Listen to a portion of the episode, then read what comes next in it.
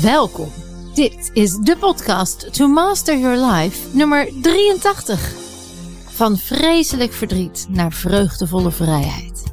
Tips op het gebied van body, mind en food. Mijn naam is Vilna van Betten en ik heb er super veel zin in. Welkom dames en mensen. Vandaag een wat serieuzer onderwerp. Ehm, dat wil niet zeggen dat dat ehm, heftig is.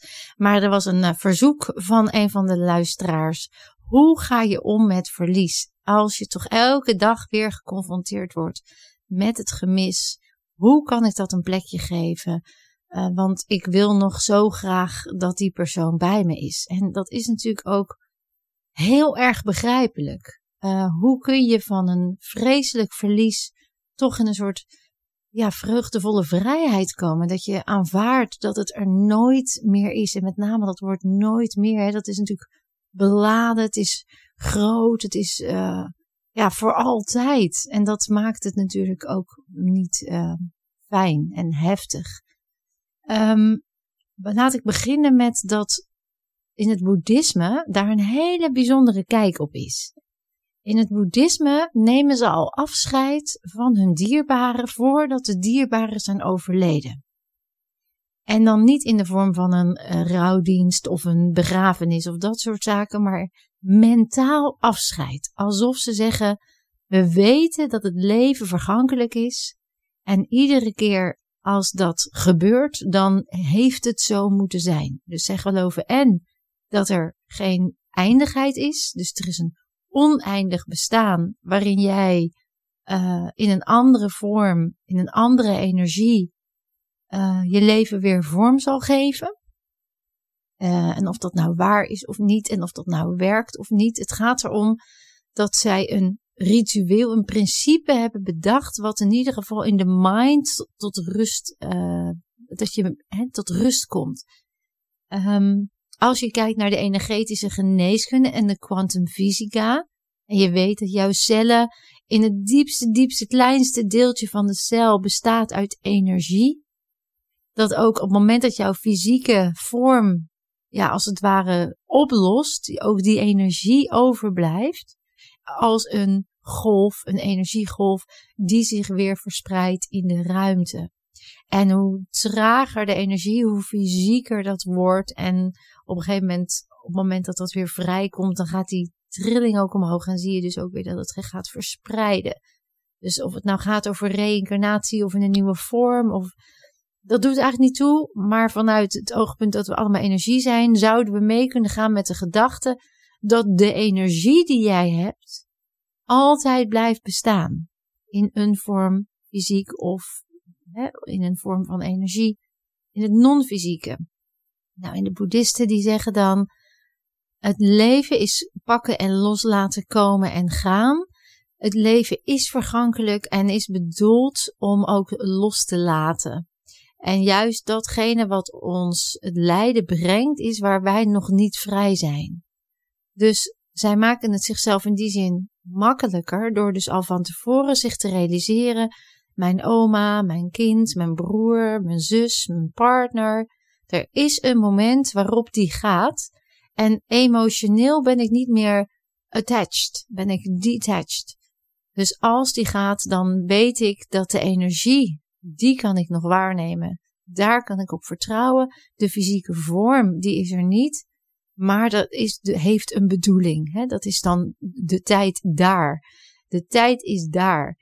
En die drie elementen, dus de aanvaarding van dat het moment als het komt ook zo moet zijn, samen met het gegeven dat de energie nooit verdwijnt en het mentaal al loskomen, dus je niet afhankelijk maken van iemand, maakt dat zij heel anders omgaan met verlies dan wat wij in het Westen vooral onszelf aanleren. En dat is dat het vreselijk is om dood te gaan.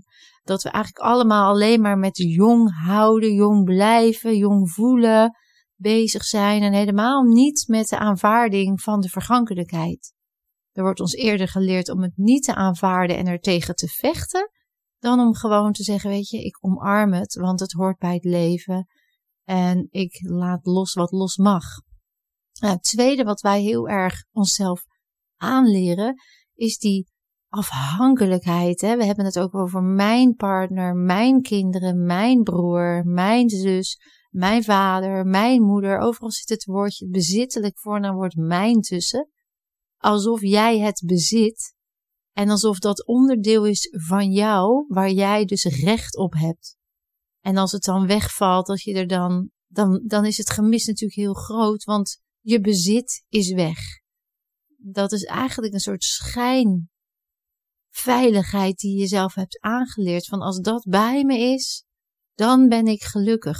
Als die persoon nog in mijn leven is, dan pas ben ik compleet. En die benadering maakt dus ook dat als die persoon wegvalt, jij je incompleet en ongelukkig voelt. Terwijl die vrijheid en je compleet voelen, je heel voelen, ja, dat heb je gewoon in je. Dat zit al bij je vanaf dat je geboren werd. Een babytje zal ook niet um, huilen, bij, uh, intens blijven rouwen en in verdriet blijven, omdat ze zich nog niet bewust zijn van het aangeleerde attachment principe. Er zitten nog geen programma's in hun systeem van je moet je nu, je moet nu aanklampen en dat mag je nooit meer loslaten. En als het loslaat, dan is dat heel erg en dat kom je nooit meer overheen en dan moet je heel lang rouwen. Uh, dat zijn allemaal elementen die zijn aangeleerd. En dan komt er nog een gegeven bij, want stel dat je dat wel doet, dus je gaat door met je leven, dan zou er ook nog een soort sociale uh, correctie of een sociale controle zijn dat je je bijna schuldig gaat voelen als jij je leven weer oppakt, terwijl het nog misschien heel kort geleden is dat iemand is gegaan. Ja, dat zijn allemaal westerse aangeleerde manieren om met verlies om te gaan. Er zijn ook landen waar ze het vieren dat iemand overlijdt, omdat dat weer een weg is naar de volgende fase. En ze zien dat dan als groei. En nogmaals, het gaat erom Wanneer hou jij vrijheid in je leven? Wanneer blijf jij je kwaliteit van leven vasthouden? En dat toen je jong was, en dat is ook een fijne mindset, waren, waren er ook niet uh, altijd mensen dat als die in je leven waren het gelukkig, gelukkiger was. Hè? Dus het is niet zo dat je met dat gegeven dat je iemand nodig hebt ook gelukkiger wordt. Je hebt ook een gelukkig leven kunnen hebben zonder die persoon die persoon heeft jou verrijkt, aangevuld, misschien een gevoel gegeven van meerwaarde. Dat is ook een les die je eruit mag halen, dat die meerwaarde dan ook vooral, dat het een cadeau is dat je dat nog hebt mogen ervaren. En ik zat nog niet zo lang geleden naar een documentaire te kijken van um, de zoon van Anthony Kamerling en Isa Hoes. Uh, Anthony Kamerling die leed aan depressies en is uiteindelijk daar door zelfmoord uh, is die van zijn leven, heeft hij zichzelf van zijn leven beroofd. En zijn zoon Marlijn was 12 jaar en zijn, zijn zusje Vlinder was zes jaar jonger. Uh, en hij is nu tien jaar later in die documentaire op zoek gegaan naar antwoorden. Hij is nog steeds zijn vader aan het ontdekken. Prachtige documentaire.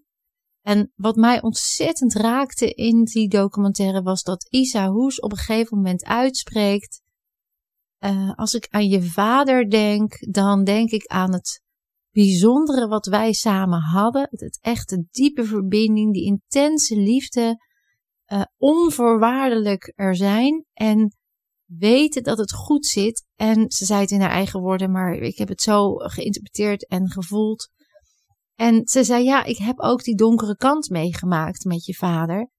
Alleen, ik gun het ook jullie dat je dit stukje in je leven met die verbinding, die, die zielsverwantschap, die liefde, al maak je het maar een dag mee, bij wijze van spreken, dan is dat een cadeau. En ze zei ook, ik word blij als ik daaraan terugdenk, niet verdrietig, want ik heb het mogen meemaken in mijn leven. Nou, dat is voor mij de ultieme manier om om te gaan met het verlies. Dat je heel erg koestert wat er was. Dat het een cadeau was wat je hebt mogen meemaken. Dat je dat dus ook omarmt. En dat je ook realiseert dat dat al rijkdom is. Dat je dat in je leven hebt gehad. En dan is ook niet de focus op wat er niet meer is, maar juist op die fijne herinneringen. Um, dus dat is een hele mooie, voor mij was echt, het raakte me echt enorm hoe goed en hoe mooi zij die kinderen dat ook meegaf. Van koester wat er is. Maar het is, als het er niet meer is, is dat niet, het zit in mij, zei ze ook. Het is daardoor niet weg. Hè? Dat is niet weg. Nou, en dat is denk ik een hele mooie manier om met verlies om te gaan. Um, dus, dus de boeddhistische kijk op zaken vind ik wel belangrijk om mee te nemen. Niet omdat het per se jouw manier moet zijn, maar het helpt. Hè, de vraag is altijd: wat levert het op? Nou, het helpt om wat makkelijker afstand te nemen zonder dat je loslaat. Ik heb veel mensen mogen begeleiden in de rouw die daardoor uh, weer anders naar dezelfde werkelijkheid konden kijken. En een tweede belangrijk aspect wat ik heel belangrijk vind bij verlies, is dat je je emoties, die er gewoon mogen zijn, niet ondermijnt of wegdrukt of wegduwt of er tegen vecht, maar gewoon ook even aanvaardt en waarneemt. Nogmaals, een emotie duurt slechts, hè, ik heb dat in eerdere podcasts die ook over emoties gaan al veel al uitgelegd. Emotie is een beweging, een fysieke beweging in je lichaam. En elke keer als jij iets voelt, dan beweegt het in je lichaam op een specifieke frequentie. En wil jouw lichaam weer de gewone normale frequentie bereiken en zal dit alles aan doen om die emotie te verwerken.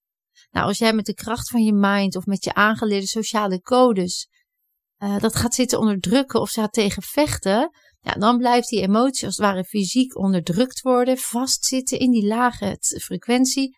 Ja, en dan geef je als het ware die emotie onbedoeld uh, geen ruimte om te verwerken. En dan dat, dat wordt een pijnlichaam. En pijnlichamen willen altijd aandacht. Die willen altijd aandacht, want die leiden af van wat er werkelijk nodig is. En dan kan het zijn dat je dus altijd weer dat verdriet voelt, of altijd weer dat verlies, of altijd weer dat gemis, omdat je het in de beginnen niet hebt kunnen mogen, willen, moeten verwerken van jezelf. Dus als je iets meemaakt wat zo intens heftig is, en je dus niet de vergankelijkheid kunt accepteren omdat jij nog iets mist, omdat jij nog iets wil, dan heb jij daar nog wat te doen. Het gaat dus niet om dat je kan het de ander niet kwalijk nemen dat die er niet meer is. Het is jouw verlangen. En een verlangen doet eigenlijk altijd pijn. Want het, het is altijd, het is nooit gevuld. Pas als het er is, het wordt een voorwaardelijke relatie. En dat is dus wat, daar, daar zit dan jouw groei. Dus als je angstig bent dat er iets met je dierbare gebeurt, of je voelt je altijd, uh, je wil altijd vasthouden aan wat je hebt, of je wil controle, dan is dat eigenlijk jouw les in loslaten, jouw acceptatie van de vergankelijkheid. En dan is het belangrijk dat je op het moment dat je dat waarneemt bij jezelf, van wat maakt die angst, wat maakt dat gemis, dan kan het zijn dat dat voor het eerst is wat je meemaakt en dat je gewoon niet weet hoe je ermee om moet gaan. Hè? Dat herkennen, erkennen, er naar handelen of loslaten. Maar het kan ook zijn dat je dat als eerder in je leven hebt meegemaakt en waardoor je je verlaten hebt gevoeld, afgewezen, in de steek gelaten waardoor je in het nu, als het dan weer gebeurt, weer terugkomt in dat oude stuk waar je toen ook niet adequaat in emoties kon reageren. Misschien was je nog heel jong, misschien wilde je stoer zijn voor je vader, voor je moeder, misschien wilde je het niet laten zien. En dan komt hij dus weer langs, want dan wordt dat jouw gewoontepatroon, jouw manier van omgaan met verlies. Totdat jij de les ziet en jij er geleerd van hebt. Dus als je merkt dat je nog in een vreselijk verliesgevoel zit en je nog niet um, een vrijheid ervaart, een vreugdevolle vrijheid, dan is daar wel een body and mind reset op nodig. Een moment dat je even die lading die erop ligt, die patronen die aangeleerd zijn, maar ook dus uit het verleden nog kunnen voortkomen, even opschoont, zodat je weer vrij kunt zijn in het verbinden met jezelf en eventueel met een ander. En ik denk dat als we dan dat hebben, als je dat jezelf gunt, ja, dan, dan ervaar je vreugdevolle vrijheid. Dus als ik het kort samenvat, dan zeg ik: als je in een emotional rollercoaster zit van verlies, gun jezelf de emoties. En sta jezelf toe om ze te herkennen, erkennen en daarnaast te handelen. Ook al heb je nog niet altijd door wat de emoties zijn. Uh, laat ze toe. En wat er nog niet kan, komt later wel. Je kan ook zeggen: Ik vertrouw mijn lichaam erop. Dat de emoties vanzelf komen en dan laat ik ze gaan. Je kunt daarbij je armen en je benen kruisen. Je kunt met je ogen heen en weer gaan. En dan affirmeren naar jezelf. Dat je samenwerkt met je lichaam. Dat je heel erg vertrouwt op je lichaam. Dat je emoties toestaat. Dat je lief bent voor jezelf enzovoort. En als er dus nog een lading op ligt vanuit eerdere ervaringen van verlies. Dan zou je dus de quick fix erop kunnen doen. Hè? Dus echt even terug naar dat moment daar even voelen hoe dat voelde. Het oude beeld uitgummen. Prachtig nieuw beeld ervoor in de plaats zetten. En dan weer eindigen. Dat doe je allemaal met gekruiste handen, gekruiste benen. In andere podcasts vertel ik daar ook over hoe die quick fix werkt. Eh, maar dat is het proces wat je even jezelf gunt. En dan met die ogen weer heen en weer. En dan het gewenste, het nieuwe hardop uitspreken alsof het al zo is. Nou, wil je daar nou gewoon begeleiding bij? Of denk je, wil je meer over weten? Kom dan gewoon eens een keer langs. Maak een afspraak. Hè. Wij kunnen echt voor jou het proces van de vergankelijkheid, de aanvaarding waar je nu ook bent, wat je ook voelt, of het nou een pijnlichaam is, een verlies, fysiek, mentaal, uh, optimalisatie, lekker opruimen. Daarmee verbreek je niet de loyaliteit. Je bent ook niet een slechte persoon als je dan iemand vrijlaat. En jezelf daarmee ook. Nee, je gunt jezelf en de ander vrij te zijn. Dat is ook wat die ander voor jou heeft gewild. Dat durf ik hardop te zeggen. Ik hoop dat jullie heel veel hebben aan deze tips en dat je hiermee vanuit vreselijk verlies wellicht weer een stapje dichter bent naar vreugdevolle vrijheid. Sta jezelf toe om jezelf te ontwikkelen, persoonlijk te groeien, het beste uit jezelf te halen. Ik wil jullie weer heel erg bedanken voor het luisteren. En je weet het, jij kunt meer dan je denkt.